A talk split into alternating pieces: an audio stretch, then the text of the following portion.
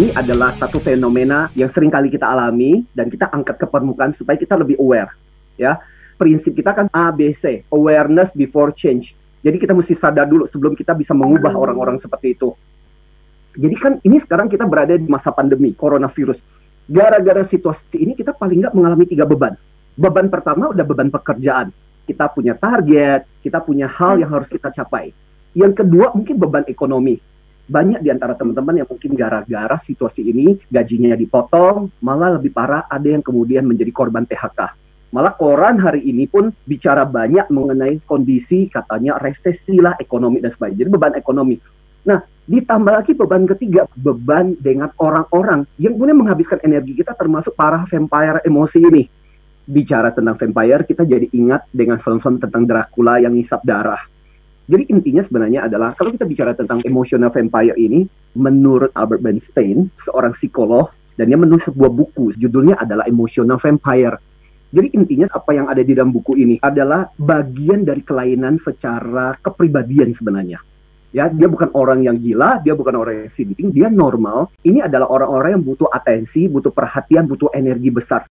Cuman dengan kata-katanya, dengan sikapnya, dengan pola perilakunya, dia kemudian menghabiskan energi kita dan kemudian membuat kita yang banyak berinteraksi dengan orang ini merasa capek banget, merasa letih banget. Tapi kemudian tidak ada umpan balik buat kita. Kita sendiri juga manusia. Ada kalanya kita juga lagi dalam situasi down, sehingga apa yang terjadi, kita lama-kelamaan juga bisa ikut-ikutan di, di depresi. Parahnya adalah lama-kelamaan kita menjadi vampire seperti dia juga. Yang menarik adalah para psikolog kemudian mengatakan orang yang nanti kita bahas ini sebenarnya adalah orang yang pantas untuk dikasihani bisa saja sebenarnya mereka adalah korban, punya masalah dengan harga diri mereka. Ya, Cuma ya. yang terjadi adalah dengan situasi itu dia memanipulasi, dia memanfaatkan kelemahan-kelemahan orang. Habis selesai berurusan dengan orang ini, Anda merasa capek banget.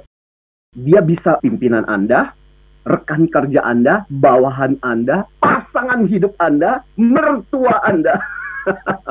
Wajahnya bisa beragam.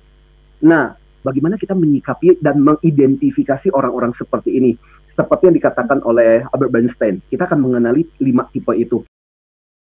Mari kita mulai dengan si intimidator antisosial. Antisosial bukan berarti dia nggak bisa gaul. Tapi si intimidator ini akan memanipulasi dengan menggunakan rasa takut. Jadi hmm. orang-orang yang menciptakan semacam rasa ketakutan yang luar biasa. Dua teknik yang dilakukan oleh si intimidator ini. Dia mengancam atau dia akan menarik hadiah yang sudah diberikan kepada kita. Hadiah itu bisa kelihatan nggak kelihatan. Hadiah dalam bentuk rasa sayang, rasa cinta. Contoh, ada seorang pacar yang diancam hmm. kalau dia nggak mau berhubungan seks, maka hubungan bakal diputus misalnya. Atau misalnya seorang atasan yang bilang sama bawahannya, kalau kamu tidak kooperatif menyembunyikan data ini, ingat loh ya, di akhir tahun nasib kamu masih saya yang menentukan. Nah, itu intimidator. Nah, okay. latar belakang orang ini bisa saja dia dibesarkan lingkungan yang memang orang tua ngasih cintanya itu dengan bersyarat. Akibatnya kemudian yeah, yeah. dia juga melakukan intimidasi.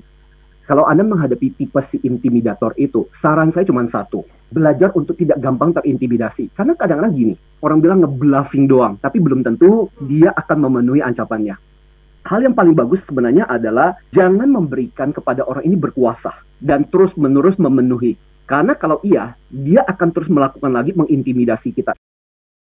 Nah, yang kedua adalah yang kita sebut sebagai si korban. Di dalam psikologi ada satu istilah namanya histrionik. Ini si tukang drama. Tiap hari cerita tentang bagaimana situasi keluarganya, kondisinya. Modusnya apa? Menciptakan rasa kasihan, sekaligus rasa bersalah Misalnya contoh, ada seorang adik perempuan yang cerai dan kemudian akhirnya berhenti bekerja, tinggal sama orang tua. Kemudian terus menerus cerita kepada kakaknya, kalian tahu nggak aku harus merawat ibu, kalian hmm. tahu nggak aku harus merawat anakku, kalian tahu nggak aku udah nggak kerja, kalian mah enak-enak aja. Jadi yang dia lakukan adalah menciptakan rasa bersalah pada kakak-kakaknya. Dan dengan cara seperti itu, dia dapat suntikan dana, dia dapat bantuan. Atau misalnya seorang rekan kerja yang terus-menerus cerita tentang bagaimana suaminya yang suka mukul dan sebagainya. Dan datang ke kantor itu bisa nunjukin loh, eh kalian lihat nggak?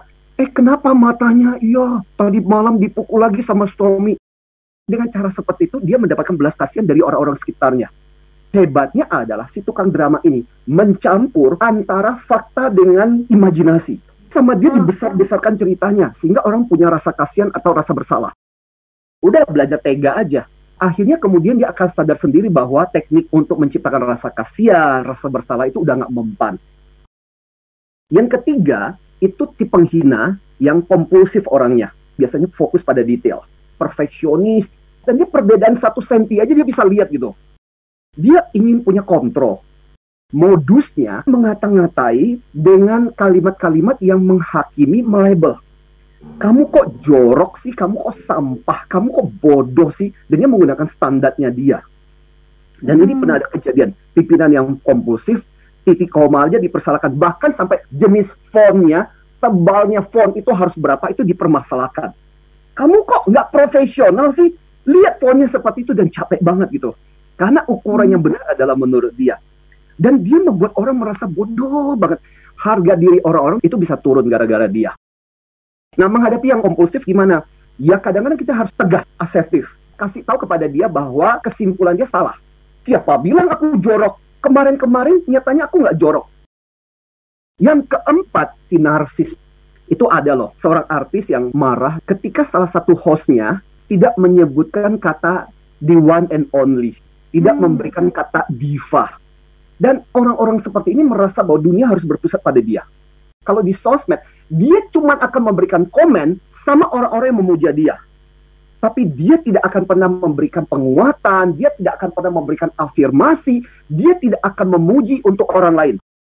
Menghadapi si artis yang butuh pemujaan yang luar biasa, pakai teknik tarik ulur, kayak kita main layang-layang. Jadi ada kalanya egonya dikasih makan.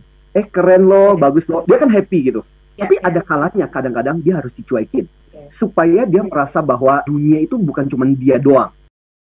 Yang kelima adalah si kanak-kanak yang dewasa, yang paranoid, yang sikapnya kekanak-kanakan tapi kadang-kadang juga nggak mandiri, penuh dengan kekhawatiran, hmm. ketakutan.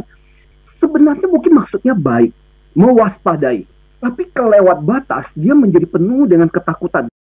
Hebatnya adalah ngomongnya bisa logis, dan kecemasannya bisa beralasan. Cuma kadang-kadang bisa bergerak menjadi bukan lagi waspada tapi curiga. True story dari seorang wanita yang hidup dengan pacarnya yang sangat parno, paranoid.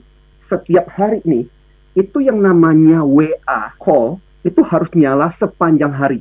Ketika ditanya kenapa, karena gue sayang sama lu. Jadi ada gabungan dengan intimidasi tadi saya tidak mau kamu jadi korban apa-apa dan sebagainya. Saya cuma ingin tahu aja. Kamu nggak harus jawab saya kok. Tapi saya ingin merasa dekat dengan kamu. Kamu nyalainnya terus menerus. Menghadapi anak-anak yang nggak dewasa itu adalah gini. Kita kadang harus bikin catatan. Ketika kekhawatirannya nggak terbukti, kita harus kasih tahu tuh kan, yang kamu khawatirkan nggak terjadi kok. Misalnya contoh tadi yang handphonenya itu sampai harus on panjang hari kadang harus berani menyikapi dia, dimatiin aja. Dan sorenya WA dia dan mengatakan, tuh kan, aku baik-baik saja kok, tidak seperti yang kamu khawatirkan, hidupku baik-baik saja. Semua emotional vampire ini punya satu kesamaan, dia nggak peduli dengan orang lain. Para vampire emosi bukan untuk ditakuti, tapi diwaspadai. Dan jangan cepat menghakimi, menuding, serta mengarahkan jari. Karena bisa jadi itu adalah Anda sendiri Bersikaplah dewasa namun tegas. Meskipun kata-kata si vampir ini sering kali pedas dan energi kita serasa dikuras. Dan ketika si vampire mulai beraksi, kenali, lucuti, dan jangan biarkan hidup kita dibuatnya menjadi tak berarti.